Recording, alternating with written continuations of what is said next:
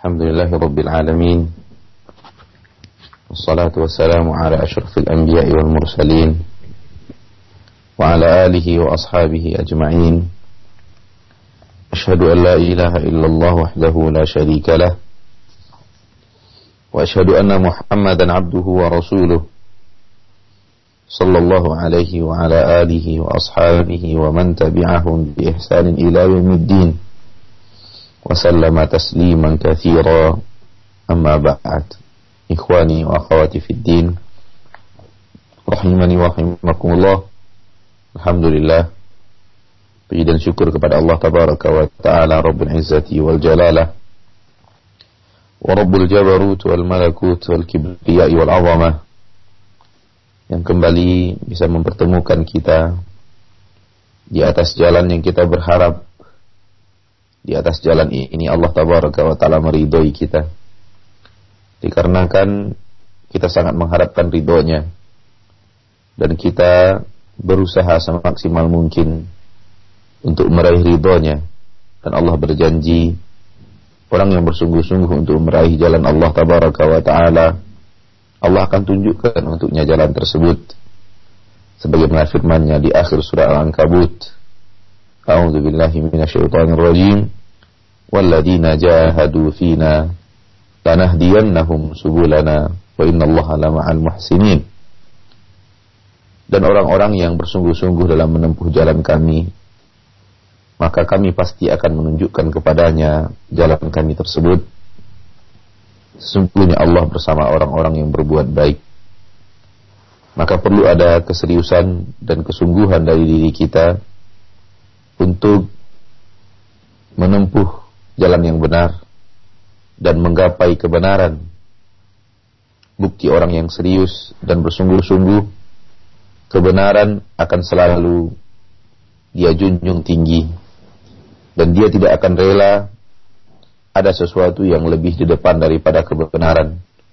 Ada sesuatu yang lebih tinggi daripada kebenaran.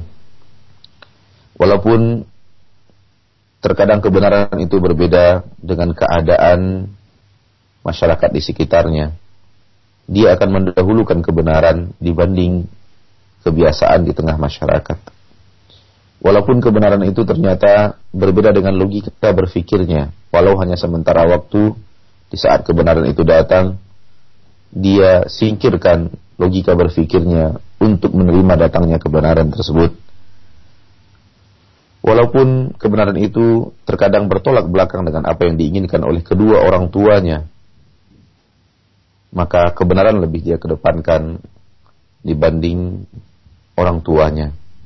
Begitulah yang Allah ajarkan kepada kita seperti yang Allah terangkan di dalam surat Luqman wa in jahadaka ala an tusyrika bi laka bihi ilmun fala tuti'huma wa sahibuhuma fid dunya ma'rufa dan apabila kedua orang tuamu benar-benar berupaya keras bermujahadah agar membuatmu berbuat syirik kepada Allah tabaraka wa taala maka jangan ikuti keduanya, jangan taati mereka. Namun tetaplah berbuat baik dalam urusan dunia kepada keduanya. Di dalam ayat ini Allah menyuruh kita untuk mengedepankan kebenaran melebihi orang tua. Ya, karena kebenaran harus kita junjung tinggi. Masyarakat muslimin dan muslimat, tidakkah kita melihat Abu Talib paman Rasulullah Sallallahu Alaihi Wasallam yang tahu akan kebenaran dakwah Nabi Muhammad dan meyakininya. Bahkan dirinya menjadi bumper dakwah. Hartanya juga diinfakkan untuk dakwah Nabi Muhammad Sallallahu Alaihi Wasallam. Namun yang terjadi dalam jiwa Abi Talib adalah keraguan antara mengikuti kebenaran dan orang tua. Sehingga ketika akhir hayatnya Abu Talib tetap berkata, Huwa ala millati Abdul Muttalib. Abu Talib tetap di atas agama ayahnya Abdul Muttalib.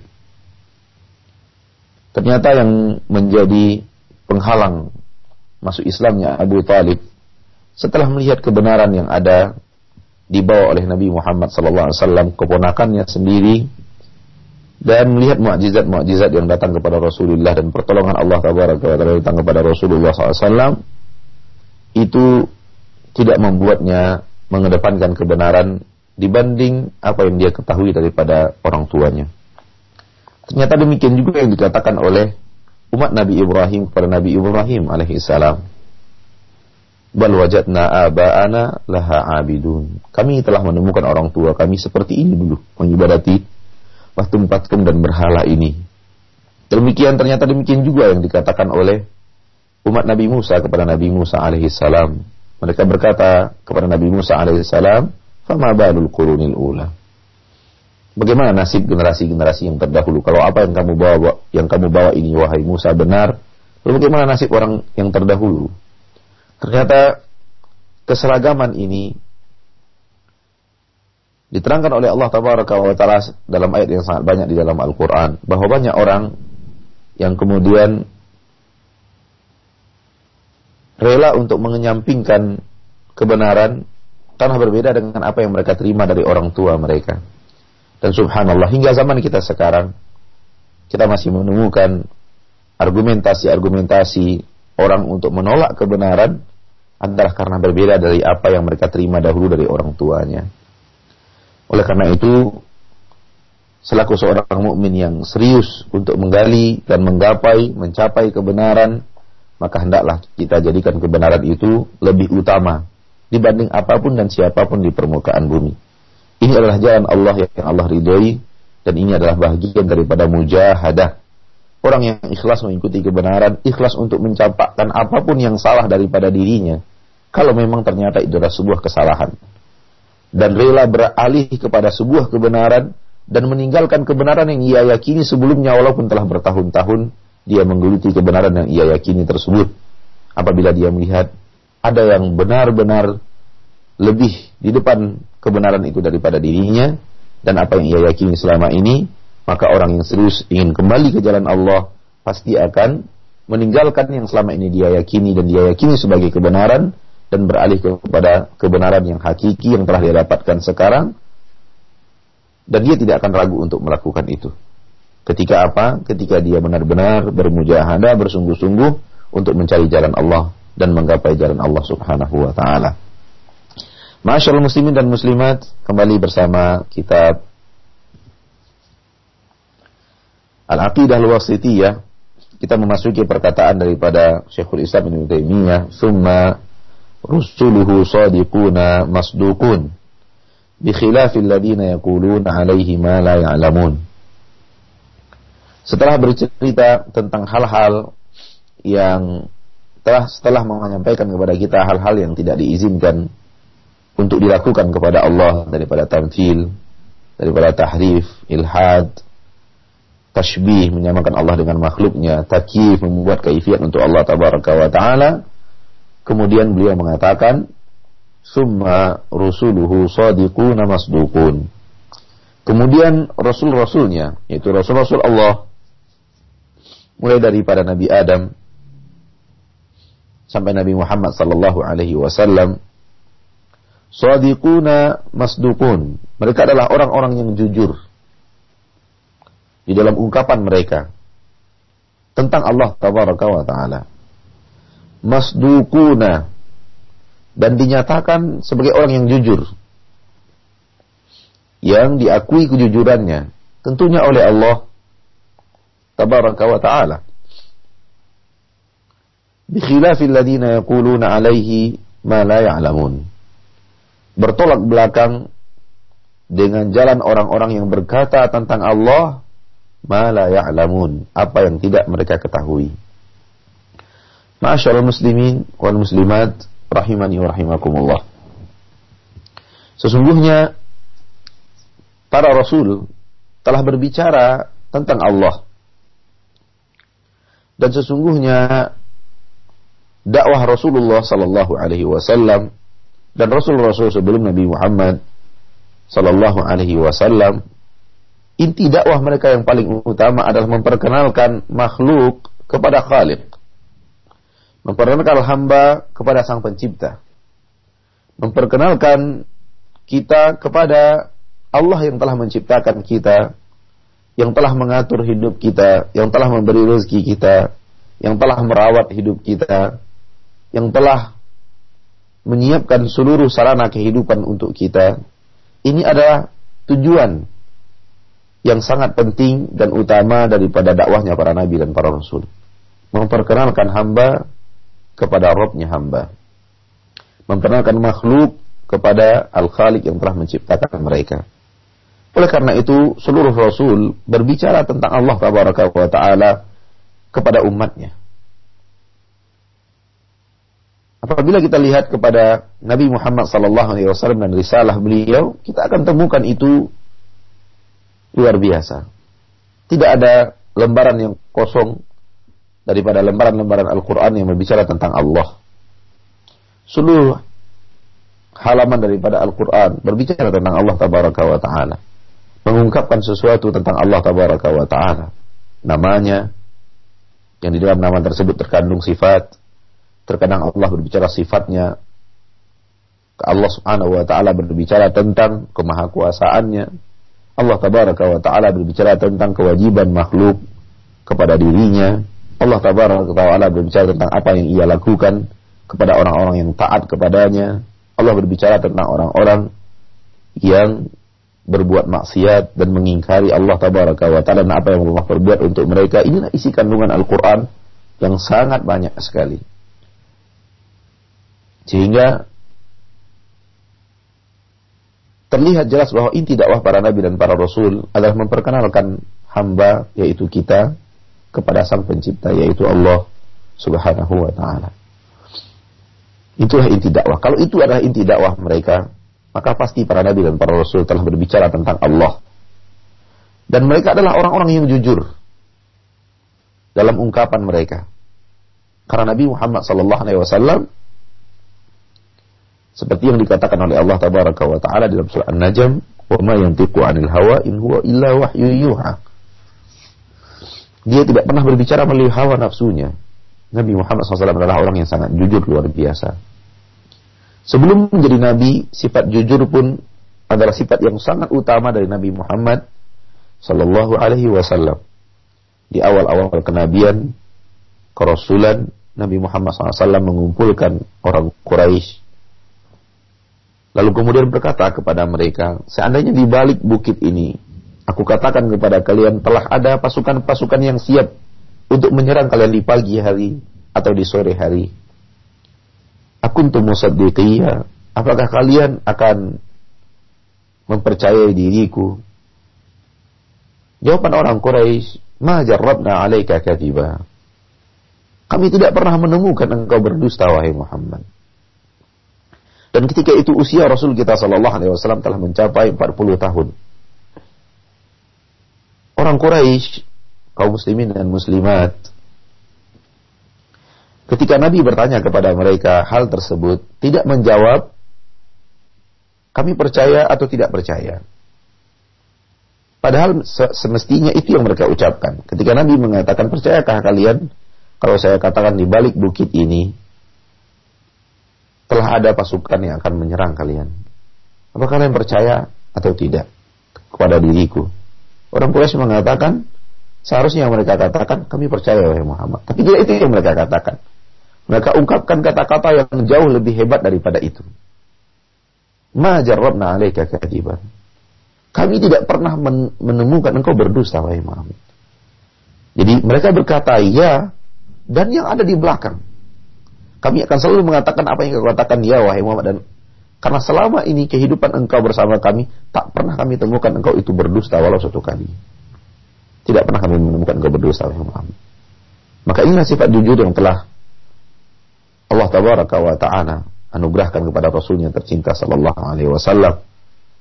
Kalaulah Nabi Muhammad sallallahu alaihi wasallam tidak pernah berdusta dalam pembicaraan-pembicaraannya bersama manusia, tentang hak-hak manusia, kewajiban-kewajiban manusia, orang yang berhak dan orang yang tidak berhak sesama manusia dalam kehidupan dunia ini. Apakah mungkin seorang nabi dan rasul berdusta atas nama Allah, berbicara tentang Allah dengan dusta?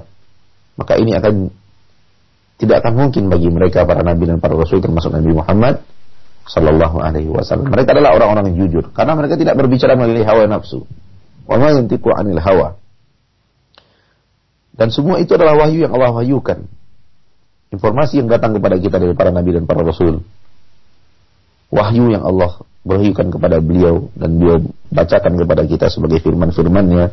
Semua itu adalah sesuatu yang jujur dan benar apa adanya dan tidak ada yang disembunyikan oleh Rasulullah SAW untuk umat manusia.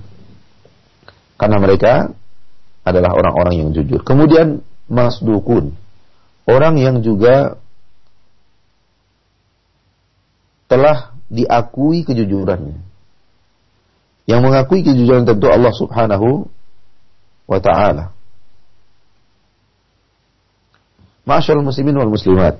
Tidak cukup dengan mengatakan jujur para nabi dan para rasul itu Bahkan Islam mengatakan mereka adalah orang yang jujur dan juga diakui kejujurannya oleh Allah Subhanahu wa taala. Ini menunjukkan bahwa para nabi dan para rasul alaihi wassalam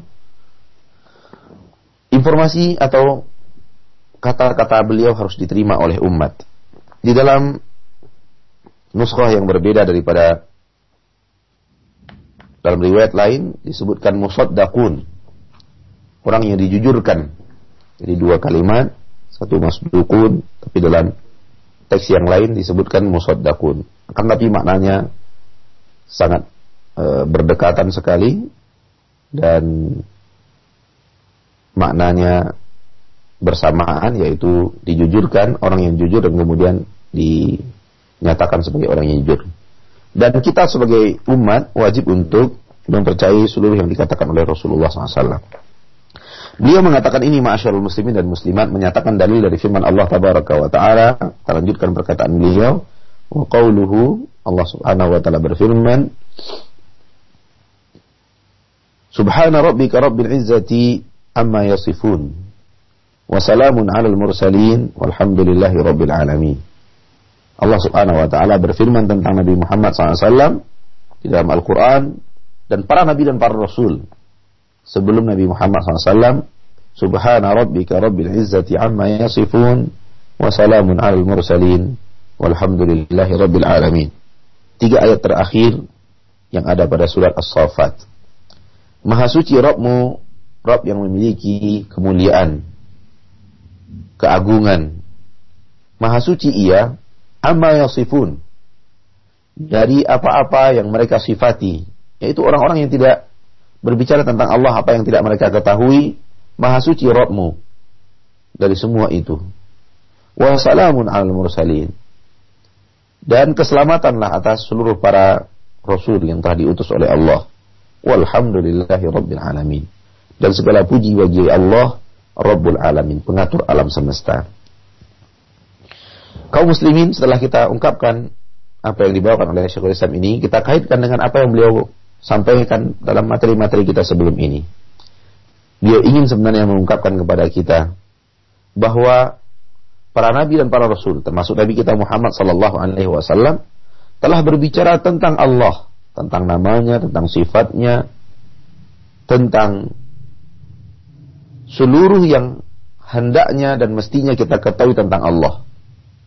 Dan mereka, masuk Nabi Muhammad SAW, jujur dalam apa yang mereka ungkapkan, dan mereka telah direkomendasi oleh Allah Taala apa yang mereka ungkapkan kepada hamba-hamba tersebut kepada kita sebagai umat Nabi Muhammad SAW telah diakui oleh Allah dan telah dijujurkan oleh Allah, diakui kejujuran dan dibenarkan oleh Allah Subhanahu wa taala. Beliau sebenarnya ingin mengingatkan kepada kita bahwa cukuplah bagi kita untuk berbicara tentang Allah sesuai dengan apa yang ada yang kita terima dari Rasulullah sallallahu alaihi wasallam. Sebagaimana kewajiban umat-umat terdahulu cukup bagi mereka untuk berbicara tentang Allah sebagaimana yang disampaikan oleh nabi-nabi mereka kepada mereka. Ikhwani wa akhwati fi din rahimani wa rahimakumullah. Inilah yang senantiasa kita kumandangkan di dalam akidah asma dan sifat, berbicara tentang asma dan sifat Allah tabaraka wa taala kita selalu mengumandangkan sebagaimana yang dikumandangkan oleh para ulama, generasi-generasi terbaik dari umat Islam, bahwa di dalam berbicara tentang asma dan sifat, referensi satu-satunya adalah Al-Quran dan Sunnah. Tidak ada yang lain. Wajib bagi kita untuk menyatakan sesuatu tentang Allah kembali kepada apa yang diterangkan oleh Allah Subhanahu wa taala di dalam Al-Qur'an dan apa yang diterangkan oleh Allah Subhanahu oleh Rasulullah SAW di dalam hadis. Tidak ada referensi lain selain ini. Cukuplah bagi kita apa yang dikatakan oleh Rasulullah SAW dan disampaikan oleh Rasulullah SAW kepada kita. Termasuk yang disampaikan Rasulullah kepada kita adalah ayat-ayat Allah Tabaraka wa Ta'ala yaitu Al-Quran Al-Karim. Inilah yang dikumandangkan oleh para ulama dan ini kita kumandangkan di dalam bab asma sifat. Kenapa demikian? Karena Allah Tabaraka wa Ta'ala telah menyatakan kejujuran itu dan kebenaran hal tersebut. Dan tentu Allah Tabaraka wa Ta'ala memberikan kepada Rasulnya yang terbaik daripada apa yang bisa kita ungkapkan. Sehebat apa pun kita mengungkapkan sesuatu tentang Allah Tabaraka wa Ta'ala, tidak akan pernah melewati kebaikan dan kebenaran yang dibawa oleh Nabi Muhammad sallallahu alaihi wasallam. Dan semua kita tergantung kepada Rasulullah SAW. Ungkapan kita bergantung erat kepada apa yang diungkapkan Rasulullah SAW tentang Allah Tabaraka Ta'ala. Dan inilah jalan keselamatan. Dan Allah telah menyatakan apa yang diungkapkan oleh para oleh Rasulullah SAW kepada umatnya adalah jalan yang benar, jalan yang selamat. Allah mengatakan wassalamun alal mursalin. Keselamatan kepada para rasul yang diutus oleh Allah, termasuk Nabi Muhammad sallallahu alaihi wasallam di dalamnya. Keselamatan berarti apa yang diungkapkan oleh Nabi sallallahu alaihi wasallam, apa yang beliau sampaikan kepada umatnya daripada nama-nama dan sifat-sifat Allah tabaraka wa taala maka semua itu selamat inilah jalan keselamatan ketika mengungkapkan keselamatan milik para nabi dan para rasul termasuk Nabi Muhammad pahamlah kita kalau kita ingin menempuh jalan yang lain yang tidak pernah diajarkan Rasulullah SAW tidak ada jaminan keselamatan tidak ada jaminan keselamatan kita berbicara tentang Allah tabaraka wa taala apa yang tidak pernah disampaikan oleh Rasulullah Sallallahu Alaihi Wasallam. Lihatlah orang-orang yang berbicara tentang nama, tentang Allah dan sifatnya yang tidak berdasarkan kepada dalil daripada mereka-mereka yang mentakwil asma dan sifat, mentasbih, menyamakan Allah dengan makhluk, mentaktil, mengkosongkan Allah dengan dari daripada sifat dan namanya, daripada sifat-sifatnya. Semua itu adalah jalan yang batil disebabkan tidak mengikuti jalan yang selamat. Ketika Allah telah merekomendasi jalannya Rasulullah SAW adalah jalan yang selamat, berarti itulah yang Allah ridhoi daripada apa yang kita ungkapkan tentang Allah Subhanahu wa taala. Wajib bagi kita mengikuti itu. Jadi, dalil satu-satunya untuk berbicara asma dan sifat adalah Al-Quran dan hadis. Dan ahli sunnah tidak akan lari daripada Al-Quran dan hadis. Apa yang dikatakan oleh Al-Quran, itulah yang diyakini oleh ahlu sunnah. Dan apa yang dikatakan oleh hadis Rasulullah SAW tentang Allah, yang dilakukan oleh ahlu sunnah. Dan mereka tidak akan lari daripada keterangan-keterangan yang ada tersebut.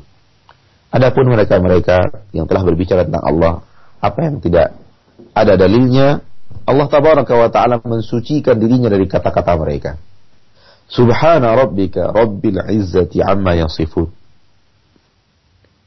Allah sucikan dirinya dari obrolan-obrolan mereka yang mensifati Allah yang tidak di atas jalannya Rasulullah Sallallahu Alaihi Wasallam. Makanya berbicara tentang Allah Tabaraka wa Taala, hendaklah kita berusaha dan harus kita lakukan seperti itu. Kita tidak lari daripada keterangan yang ada di dalam Al-Quran, keterangan yang ada di dalam hadis Nabi Sallallahu Alaihi Wasallam. Kita tahu itu ada di dalam kitabullah dan hadis, kita akui dan kita nyatakan. Kita sampai kepada kita sesuatu yang tidak ada di dalam Al-Quran dan hadis, maka kita mengatakan Allah alam saya tidak tahu tentang masalah tersebut. Begitu para ulama mengatakan. Jadi kalau memang ada di dalam Al-Quran, kita nyatakan ya, tidak ada di dalam ada di dalam Al-Quran hadis kita nyatakan ya, ini adalah bagian daripada nama dan sifat Allah kalau tidak ada dalam Al-Quran dan Hadis, Ahlu Sunnah mengatakan Allah alam. Kami tidak tahu. Ahlu Sunnah tidak mengatakan tidak. Namun Sunnah mengatakan Allah alam. Tentang sesuatu yang tidak ada di dalam Al-Quran dan hadis. Nyatakan orang. Allah Sunnah mengatakan Allah alam. Tidak tahu. Kenapa? Karena kalau mereka katakan ya, sementara tidak ada keterangannya di dalam Al-Quran dan hadis, mereka telah berbicara tentang Allah sesuatu yang mereka tidak ketahui. Namun ketika mereka katakan tidak, ketika mereka katakan tidak, mereka pun telah berbicara tentang Allah apa yang tidak mereka ketahui. Boleh jadi sesuatu yang diungkapkan oleh manusia tersebut tentang Allah Subhanahu wa taala, suatu nama untuk Allah, suatu sifat untuk Allah Tabaraka wa taala yang tidak ada keterangan dalam Al-Qur'an dan hadis, boleh jadi itu adalah bagian daripada sifat Allah Tabaraka wa taala. Seperti apabila seorang mengatakan apakah Allah Subhanahu wa taala memiliki nama Al-Mawjud. Apa Allah itu mawjud? Kata-kata mawjud. Hal seperti ini tidak ada dalam Al-Quran dan Hadis. Sikap ahlu sunnah mengatakan, Allah alam, kami tidak tahu apakah Allah memiliki nama ini. Adapun apa yang anda maksud dengan Allah itu mawjud? Kita tanyakan kepada mereka. Apa yang anda maksud dengan Allah itu mawjud? Mereka ketika mereka mendatangkan makna yang hak, kita terima. Kalau makna ini yang Anda inginkan, kita terima maknanya. Yaitu Allah Subhanahu wa taala ada dan keberadaannya tidak sama dengan keberadaan makhluk. Allah Subhanahu wa taala tidak sama dengan makhluk. Namun ia ada. Kalau itu iya memang Ahlu Sunnah meyakininya. Akan tetapi ketika mereka menyamakan mendatangkan makna yang batil lalu kita tolak. Kita tolak makna yang batil yang mereka datangkan untuk Allah. Ketika mereka mengatakan maksud kami dengan Allah itu mewujud dengan nama yang mewujud dan kemudian sifatnya yang ada, ada seperti kita kita, seperti makhluk keberadaannya. Maka ini makna yang batil. Para ulama mengatakan kepada kita di dalam salah satu kaidah di dalam asma dan sifat bahwa ketika orang menyatakan sesuatu tentang Allah yang tidak ada keterangan dalam Al-Quran dan Hadis, maka ahlu sunnah tawakuf dalam lafaz tawakuf Allah alam kami tidak tahu ya atau tidak ada ini dalam sifat nama dan sifat Allah taala dalam nama-nama Allah taala. Lalu kemudian ahlu sunnah bertanya tentang makna kepada mereka. Apa yang Anda maksud dengan nama tersebut? Apa yang Anda inginkan dengan nama tersebut? Ketika mereka mendatangkan makna yang hak, mereka terima. Ketika mereka mendatangkan makna yang batil, mereka tolak. Adapun mereka menerima makna yang hak karena memang itu ada keterangannya di dalam Al-Quran, maknanya itu ada keterangannya dalam Al-Quran, lalu mereka katakan kepada orang tersebut, kami terima maknanya, adapun lafaz, ini untuk Allah, kami tidak menerimanya sama sekali. Kami tawakuf dalam hal ini. Tidak menetapkannya untuk Allah dan juga tidak menafikannya. Ini adalah sikap yang diambil oleh halus sunnah apabila mereka menemukan ungkapan-ungkapan tentang Allah tabaraka wa ta'ala yang tidak ada keterangannya dalam Al-Quran dan hadis. Mereka tidak berani secara lafaz untuk mengingkarinya, karena boleh jadi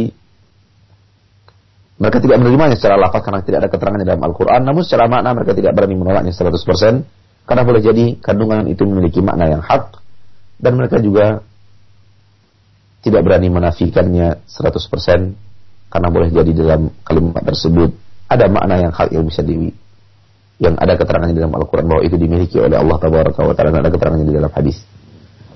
Intinya adalah bahwa para nabi dan para rasul telah berbicara tentang Allah taala dan Allah telah menjujurkan me, me, membenarkan mereka dan mengakui kebenaran mereka dan Allah telah merekomendasi apa yang telah mereka katakan tentang Allah sebagai kebenaran dan kita diperintahkan untuk mengikuti mereka. Oleh karena itu jalan yang benar adalah ikuti para nabi dan para rasul. Ketika nabi telah berbicara, maka ikutilah. Ketika Rasulullah SAW telah menafikan sesuatu dari Allah, maka nafikanlah. Ketika telah datang kepada kita keterangan dari Al-Quran dan hadis bahwa inilah yang dimiliki oleh Allah imani. Karena ketika kita menafikan apa yang diterangkan oleh Al-Quran, oleh hadis, maka kita telah berbicara tentang Allah sesuatu yang tidak kita ketahui. Begitu keterangan dari para ulama, ketika Allah mengatakan kepada kita sesuatu, lalu kemudian kita nafikan, kemudian kita jadikan makna yang lain daripada makna yang selain yang Allah inginkan tersebut, maka kita telah berbicara tentang Allah sesuatu yang tidak kita ketahui, dan itu dosa besar. Sebuah maksiat besar. Yaitu berbicara tentang Allah sesuatu yang tidak kita ketahui. Dalam Al-Quran Allah mengatakan wa antu syiriku billahi ma lam yunazil bihi sultana wa antaqulu 'ala Allahi ma la. Allah mengharamkan untuk kalian untuk berbuat syirik kepada Allah, menyekutukan Allah dengan sesuatu dan Allah mengharamkan untuk kalian berbicara tentang Allah sesuatu yang tidak kalian ketahui. Allah haramkan itu kepada kita. Oleh karena itu, menafikan sesuatu yang telah Allah nyatakan untuk dirinya adalah berbicara tentang Allah sesuatu yang tidak Allah yang tidak kita ketahui. Membuat kaifiat-kaifiat untuk nama dan sifat Allah adalah berbicara tentang Allah sesuatu yang tidak kita ketahui. Menyamakan Allah dengan makhluk adalah sesuatu yang berbeda dengan Al-Quran dan berbicara tentang Allah sesuatu yang tidak kita ketahui. Dan semua itu yang kita lakukan itu yang tidak sesuai dengan Al-Quran dan hadis tersebut adalah berbicara tentang Allah tentang sesuatu yang tidak kita ketahui. Siapa yang telah memberitahu kepada kita? Wahyu mana yang turun kepada kita tentang Allah Subhanahu wa taala? Akal tidak boleh. Karena akal bisa saja dimasuki oleh syaitan. Bisa saja dirasupi oleh bisik layu syaitan. Oleh karena itu, kembalilah kepada Al-Quran dan Hadis dalam menetapkan seluruh nama dan sifat Allah Subhanahu wa taala. Ini adalah apa yang dilakukan oleh ahlu sunnah tentang nama dan sifat Allah subhanahu wa ta'ala. Kita rasa cukup sekian pertemuan kita dalam syarah ini dan kita kembalikan kepada akuna Fawaz Baik, terima kasih untuk Al Ustaz Jazakallah khairan atas materi yang penuh manfaat yang telah Ustaz sampaikan dari pembahasan syara akidah wasitiyah. Semoga Allah Subhanahu wa taala memberkahi Al Ustaz dan menjaga Al Ustaz beserta keluarga dan saudaraku seiman rahimakumullah sebagaimana biasa kami akan angkat pertanyaan-pertanyaan yang telah Anda kirimkan melalui pesan singkat 0819896543. Sekali lagi untuk kajian kita di kesempatan setiap Senin pagi ini dari pembahasan syara akidah wasitiyah kami angkat pertanyaan yang datang dari pesan singkat saja dan sudah ada penanya dari Bapak Abu Salman di Jakarta dan ada Abu Abdurrahman di Bogor yang bertanya hal yang sama. Ustadz Barakallahu Fik terkait dengan uh, sifat Allah yang mulia atau kemudian Al-Ghaffar bisakah bagi seorang hamba untuk taubat atas semua dosa-dosanya? Misalnya bila seseorang pernah melakukan uh, dosa-dosa besar dan dosa kecil yang begitu banyak, kemudian dia uh, taubat dan mengucapkan ya Allah, ampunilah hamba dari semua dosa. Uh, apakah ini bisa ataukah ada dosa uh, taubat-taubat khusus dari dosa-dosa besar? Mohon penjelasannya jazakallah khairan. Ikhwani wa akhwati fid din di mana pun antum berada terkhusus ikhwan kita yang bertanya Allah tabaraka wa ta'ala sebagaimana yang ditanyakan tadi memiliki nama At-Tawwab, Maha penerima taubat. Memiliki nama Al-Ghaffar, Maha pengampun. Rabbul Izzati wal Jalalah. Dan kemaha pengampunannya Allah dan maha penerima taubatnya Allah tabaraka wa taala di luar apa yang bisa kita bayangkan. Sehebat apa pun manusia membayangkan kemampuan manusia untuk membayangkan seseorang yang sangat pengampun, seorang yang sangat penerima taubat, mau memaafkan kesalahan orang-orang yang bersalah kepadanya, maka Allah lebih mulia daripada apa yang kita bayangkan tersebut. Rabbul Izzati wal Jalalah. Masyaallah muslimin, Allah telah menerangkan kepada kita bahwa andai seandainya kita bertaubat sebelum wafat, maka tidak ada dosa yang tidak akan Allah ampunkan. Seandainya kita bertobat kepada Allah Ta'ala sebelum ajal datang, maka tidak akan ada dosa sebesar apa pun dosa tersebut, sehebat apa pun kesalahan tersebut, yang tidak akan Allah ampunkan. Itulah yang Allah terangkan dalam surat Az-Zumar. Allah berfirman, "Qul ibadiyalladzina asrafu ala anfusihim la taqnatu min rahmatillah. Innallaha yaghfiru dzunuba jami'an." Katakan wahai Rasul kepada hamba-hambaku yang telah menzolimi diri mereka dan telah melampaui batas, yaitu mereka-mereka yang telah berbuat maksiat. Maksiat di dalam agama kita disebut melampaui batas atau menzolimi diri. Naam, karena sesungguhnya maksiat itu telah melanggar aturan-aturan Allah dan aturan Allah itu adalah batasan-batasan syariat. Jadi saat kita tidak tidak diizinkan untuk melangkah, berarti batasan syariat adalah Anda harus berhenti. Ketika kita melangkah, kita telah membuat pelanggaran melanggar batasan-batasan syariat. Maka disebut maksiat adalah melampaui batas. Dan disebut menzalimi diri sendiri. Menzalimi dirinya karena maksiat mendatangkan petaka. Dan yang akan merasakan petaka itu adalah diri pelaku maksiat itu sendiri. Baik di dunia ataupun di akhirat. Dan kedua-duanya pahit. Namun akhirat lebih pahit daripada dunia. Akibat yang didapatkan di akhirat lebih pahit daripada dunia. Dan semua akibat itu adalah ulah maksiat yang dilakukan oleh hamba tersebut. Oleh karena itu, maksiat disebut oleh Allah Taala menzalimi diri sendiri. Karena dia telah mendatangkan petaka untuk dirinya sendiri dengan perbuatannya. Katakan kepada hamba-hambaku yang telah melampaui batas dan telah menzalimi diri mereka sendiri. Katakan kepada mereka, wahai Rasul, wahai Nabi, wahai Muhammad. Katakan kepada mereka, La taqnatu min rahmatillah. Jangan kalian putus asa dari rahmat Allah. Inna Allah yaghfiru dhunuba jami'an. Sesungguhnya Allah tabaraka wa ta'ala mengampunkan dosa jami'an semuanya. Semuanya. Ketika Allah mengatakan jami'an semuanya, tidakkah bisa kita meyakini bahwa semuanya sebagaimana yang Allah katakan? Sehingga tidak ada dosa apa pun yang yang tidak akan mendapatkan maaf dari Allah dengan syarat kita mau datang kepada Allah minta maaf. Mengetuk pintu maaf Allah tabaraka wa taala dengan ikhlas, dengan serius untuk bertobat daripada dosa tersebut. Ketika Allah telah mengatakan jami'an semuanya, kita katakan ya, jami'an semuanya. Semua dosa bisa diampunkan dan diterima maafnya oleh Allah Subhanahu wa taala. Jadi tidak ada dosa apa pun, sebesar apa pun. Kaum muslimin dan muslimat Hati-hati dengan bisikan iblis di dalam hati kita. Ketika kita akan bertaubat kepada Allah Tabaraka wa taala, iblis akan membisikkan sesuatu. Yaitu dosamu terlalu terlalu berat. Dosamu terlalu banyak. Engkau terlalu kotor untuk menghadap Allah Tabaraka wa taala. Kamu telah melakukan kesalahan yang luar biasa. Dosa yang telah menumpuk, menggunung. Masa orang sepertimu akan dimaafkan Allah? Tidak mungkin. Dosamu terlalu besar. Untuk mereka-mereka yang seperti inilah Allah menurunkan firman-Nya termasuk yang lainnya.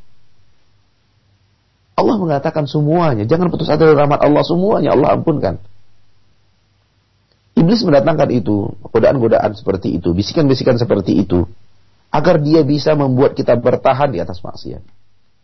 Sudahlah, sudah terlanjur, tidak mungkin Allah maafkan, dosa saya terlalu besar, kepada orang tua, kepada masyarakat, kepada teman dan sahabat, kepada tetangga, tidak mungkin orang seperti saya ini bisa bersih kembali seperti sedia kala. Tidak.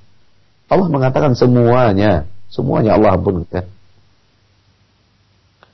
Ketika ada orang bertanya kepada kita, bukankah Allah mengatakan di dalam Al-Quran, bukankah Allah mengatakan di dalam Al-Quran, Inna Allah la yaghfiru ayyushraka bih. Sesungguhnya Allah tidak akan mengampunkan dosa orang-orang yang berbuat syirik kepadanya. Kita katakan benar. Allah tidak akan mengampunkan dosa orang buat syirik kepadanya. Tapi ada syaratnya. Yaitu, dia tidak bertaubat sebelum wafat. Dia tidak bertaubat sebelum wafat. Kemudian dosa syirik itu dia bawa wafat. Menghadap Allah. Dan dia tidak lakukan di dunia taubatnya. Taubatnya baru di akhirat tidak akan diterima oleh Allah. Itu makna ayat dan disepakati oleh para ulama ahli tafsir bahwa makna ayat adalah orang yang wafat dan membawa dosa syirik. Adapun orang yang hidup, walaupun dosa syirik adalah dosa yang paling besar di permukaan bumi, maka Allah terima taubat. Orang-orang seperti ini terbukti daripada apa yang dilakukan Rasulullah Shallallahu Alaihi Wasallam bahwa beliau menyatakan taubatnya orang-orang yang berbuat syirik di permukaan bumi. Dan banyak para sahabat Nabi Shallallahu Alaihi Wasallam, termasuk orang-orang yang akan menjadi penghuni surga. Bahkan mereka adalah orang yang digelari ahli surga di permukaan bumi dan dijamin masuk surga di permukaan bumi ketika mereka masih melangkah di permukaan bumi. Sebelum mereka masuk Islam dan bertaubat mengikuti ajaran Allah dan Rasulnya, beriman kepada Allah dan Rasulnya, mereka adalah orang-orang yang berbuat syirik. Maka dari ini makna daripada Allah tidak akan mengampuni adalah apabila syirik itu dibawa wafat. Adapun selain syirik hamba itu tidak berbuat syirik dan dia wafat, masih ada kemungkinan untuk diampunkan oleh Allah dosa-dosa yang tidak syirik dari seorang muslim dan muslimah. Namun kalau sudah syirik yang dibawa, Allah tidak akan ampunkan di akhirat. Oleh karena itu kita wajib untuk menjauhi syirik sejauh-jauhnya. Karena ini akan mengekalkan kita di neraka Allah na'udzubillah min dzalik. Masyaallah muslimin kembali kepada pertanyaan. Hati-hati tentang godaan syaitan. Syaitan akan menggoda kita bahwa kita tidak akan bisa diterima taubat. Allah tidak akan pernah membersihkan kesalahan kita yang sudah menggunung. Kita sudah terlalu hanyut di dalam maksiat. Kita sudah terlalu kotor. Tidak ada. Tidak ada. Yang seperti itu di hadapan Allah. Kalau kita serius kembali ke jalan Allah, Allah menerima semuanya. Wallahu ta'ala alam. Baik, terima kasih Jazakallah khairan atas uh, jawaban yang telah saya sampaikan.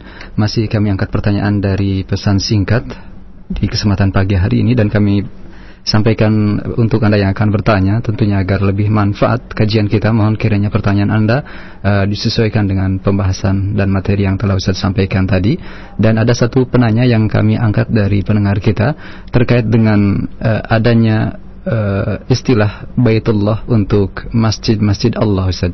Apakah ada uh, nas yang sahih dan sahih terkait dengan hal ini dan bolehkah bagi kita untuk kemudian menetapkan bahwasanya Allah Subhanahu wa taala memiliki uh, bait atau uh, rumah dalam hari ini. Jazakallah khairan ya Syekh.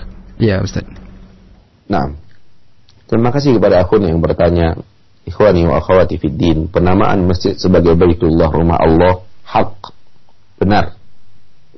Karena itu yang dikatakan Rasulullah Shallallahu Alaihi Wasallam dalam sebuah hadis yang sahih riwayat Imam Muslim dari Abu Hurairah radhiyallahu taala anhu tentang fadilah majelis taklim. Nabi mengatakan rumah Allah.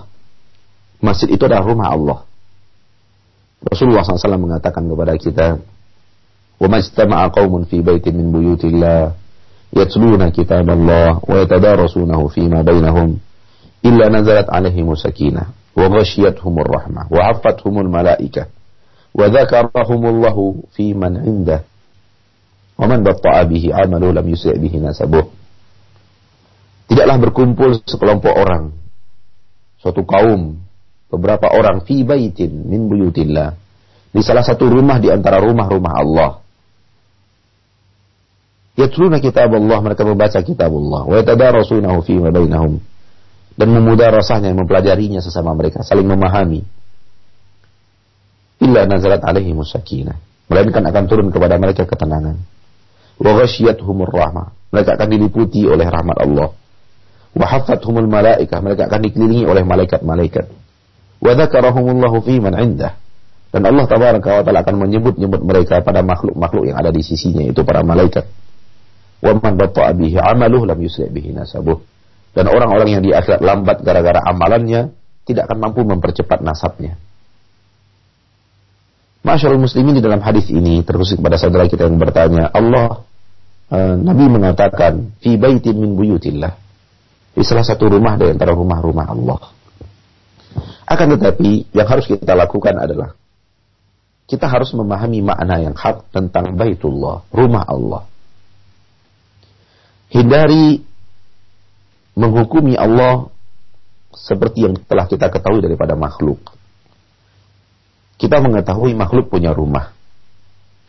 Kemudian ketika kita dengar Nabi mengatakan rumah Allah, kita bayangkan seperti makhluk juga Allah itu dengan rumah yang disebut oleh Rasulullah Shallallahu Alaihi Wasallam tersebut. Tidak, bukan seperti itu.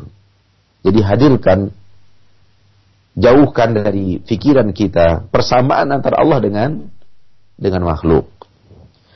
Kata para ulama, sesuatu yang diidofahkan kepada Allah, sesuatu yang diidofahkan kepada Allah, disandarkan kepada Allah Subhanahu wa taala terbagi dua. Ada yang diidofahkan kepada Allah adalah menisbatkan sesuatu kepada dirinya yaitu sesuatu yang dimiliki oleh Allah dan bahagian daripada Allah subhanahu wa ta'ala dan ada yang diidofahkan kepada Allah disandarkan kepada Allah subhanahu wa ta'ala idofatu tashrif diidofahkan sebagai pemuliaan dan penghargaan meninggikan derajat sesuatu yang dinisbatkan kepada Allah tabaraka wa taala tersebut dan dia bukan bahagian daripada Allah bukan daripada zat Allah Subhanahu wa taala Rabbul Izzati wal Jalalah. Di antara contoh yang pertama, ketika Allah mengatakan yadullah, tangan Allah. Ketika Allah mengatakan wa yabqa wajhu rabbik dan tinggallah wajah Rabbmu. Ini adalah idhafah kepada Allah. Namun idhafah kepada zat Allah Subhanahu wa taala yang merupakan dia adalah bahagian daripada Allah Subhanahu wa taala. Dan dia adalah bahagian daripada Allah Subhanahu wa taala. Adapun contoh yang kedua adalah apa yang kita sebut di dalam ayat ini, di dalam hadis ini, dalam pertanyaan ini, Baitullah, idhafatul tasyrif. Allah ingin memuliakan sesuatu itu. Allah ingin memuliakan sesuatu itu. Lalu kemudian Allah nisbatkan dia kepada Allah untuk memuliakan sesuatu itu. Termasuk di antaranya adalah ini, contohnya, Baitullah, rumah Allah. Allah ingin memuliakan masjid. Dan bukan berarti rumah Allah itu adalah bahagian daripada Allah. Di dalam Al-Quran Allah menyebut unta di zaman Nabi uh, Saleh. Di dalam kaum Samud, Allah menyebut unta itu unta Allah. Naqatullah. Naqatullah, unta Allah. Ini adalah untuk memuliakan unta itu. Bahwa unta ini memiliki kedudukan yang mulia di sisi Allah Subhanahu wa taala. Dan dia tidak tidak sama dengan unta-unta yang lainnya dan dia diperlakukan khusus. Jadi Baitullah hak. Pengucapan masjid adalah Baitullah, rumah Allah hak. Namun hadirkan makna yang sahih. Jangan hadirkan makna yang batin. Disebut itu karena Allah ingin memuliakan masjid. Dinisbatkan kepada Allah penisbatan untuk memuliakan suatu makhluk. Sama dengan kita mengatakan Abdullah, hamba Allah. Hamba Allah. Allah memuliakan nabinya Muhammad SAW dengan menyebut hamba Allah. Dinisbatkan kepada Allah agar datang kemuliaan yang luar biasa kepada hamba yang disebut sebagai hamba Allah ini. Begitu juga terhadap nabi-nabi dan rasul-rasul sebelum Nabi Muhammad. Wadhkur ibadana Ibrahim wa Ishaq wa Yaqub. Dengarkan, ingatlah hamba-hamba kami Ibrahim, Ishak dan Yakub. Begitu juga tentang Nabi Nuh. Fakadzabu abdana Lalu mereka yaitu kaum Nabi Nuh mendustakan hamba kami, dinisbatkan kepada Allah, hamba kami. Begitu juga dengan Nabi Muhammad sallallahu alaihi wasallam. Qul in kuntum fi raibin mimma nazzalna ala abdina, hamba kami. Wa annahu lamma qama Abdullah di dalam surah Al-Jin. Dan tatkala berdiri hamba Allah yaitu Nabi Muhammad SAW. Ketika disebut sebutkan hamba Allah untuk memuliakan hamba ini. Bukan berarti dia adalah bahagia, bukan berarti ini adalah bahagian daripada Allah Subhanahu wa taala tidak. Namun untuk memuliakan sesuatu Allah nisbatkan kepada Allah Subhanahu wa taala. Dan ini dia makna yang hak tentang rumah Allah. Itu yang bisa kita jawab dan itu kita kembalikan kepada aku nah, Baik Ustaz, terima kasih atas jawabannya. Di kesempatan terakhir Ustaz ada pertanyaan yang datang dari pendengar kita yang tidak menyebutkan namanya yang bertanya, "Ya Ustadz, bagaimanakah hukum menggantikan penyebutan Allah dengan uh, lafaz Tuhan ataupun God atau dengan hanya menyebutkan kata ganti atau domirnya saja?" Jazakallah khairan Ustaz. Kalau yang disebutkan kata ganti atau domir di sini setelah menyebutkan Allah, kemudian ada kata ganti setelah itu, domirnya dan semacamnya, maka ini hak karena domir-domir yang seperti ini pun ada di dalam Al-Quranul Karim. Domir yang seperti ini ada di dalam Al-Quranul Karim. Kata ganti yang seperti itu. Dan adapun tentang menyebut Allah Subhanahu wa taala dengan Tuhan, dengan God dan yang lainnya. Maka sungguh Anak secara pribadi dalam hal ini masih ada satu titik yang ragu dalam hal ini. Apakah dia bahagian daripada penyebutan nama untuk Allah Tabaraka wa Ta'ala atau dia bahagian daripada terjemahan kata-kata Rob yang ada di dalam Al-Quran atau eh, bahagian daripada terjemahan kata-kata ilah yang ada di dalam Al-Quran. Apabila kita melihat terjemahan di dalam Al-Quranul Karim, kita tidak akan menemukan lafaz Allah lalu diterjemahkan dengan kata-kata Tuhan. Tidak akan kita temukan sama sekali tidak akan kita temukan kata kalimat di dalam Al-Quran Allah lalu diterjemahkan di situ Tuhan tidak ada. Namun yang diterjemahkan Tuhan di dalam kitab-kitab terjemahan termasuk di dalam Al-Qur'an yang diterjemahkan dalam bahasa Indonesia itu adalah kata-kata Rob dan Ilah. Sebahagian para ustadz dan ahli ilmu yang kita temui merasa bahwa kata Tuhan adalah terjemahan daripada Allah. Sehingga Tuhan adalah merupakan nama daripada nama-nama Allah. Dengan itu mereka melarang kalimat Tuhan untuk diucapkan. Dan sebagian yang lain mengatakan tidak. Tuhan yang kita ucapkan ini bukanlah kita memberikan nama untuk Allah. Namun Tuhan itu adalah sesuatu yang disebut oleh Allah Subhanahu wa taala tentang kalimat Rob di dalam Al-Qur'an. Sesuatu yang Allah sebut tentang kalimat ilah di dalam Al-Qur'an itu terimakan Tuhan. Dan itu tidak memberikan itu lapas nama untuk Allah Subhanahu wa taala. Dan penyebutan Tuhan Rob untuk Allah juga ada Tuhan Rob disebut oleh Allah sendiri untuk selain Allah Subhanahu wa taala. Seperti yang Allah terangkan, arbabun mutafarriquna. Apakah rob-rob yang banyak, yang berbeda-beda, khairun amillahul wahidul qahar, lebih baik daripada Allah Subhanahu wa taala yang esa, yang maha berkuasa. Allah menyebut apa-apa yang diibadati manusia selain Allah adalah rob-rob. Yang itu yang kita terjemahkan kepada Tuhan-Tuhan. Seperti Allah berbicara tentang ilah. Allah tabaraka wa taala berbicara afara'aita man ittakhadha ilahahu hawahu. Tidakkah kalian telah melihat kepada orang-orang yang telah menjadikan hawa nafsunya sebagai ilahnya? Maka Allah menyatakan kalimat ilah untuk hawa nafsu. Sehingga ketika menerjemahkannya Tuhan, tidakkah kalian melihat kepada orang-orang yang telah menjadikan hawa nafsunya sebagai Tuhannya? Jadi terjemahan Tuhan daripada kalimat ilah dan terjemahan Tuhan daripada kalimat Rob.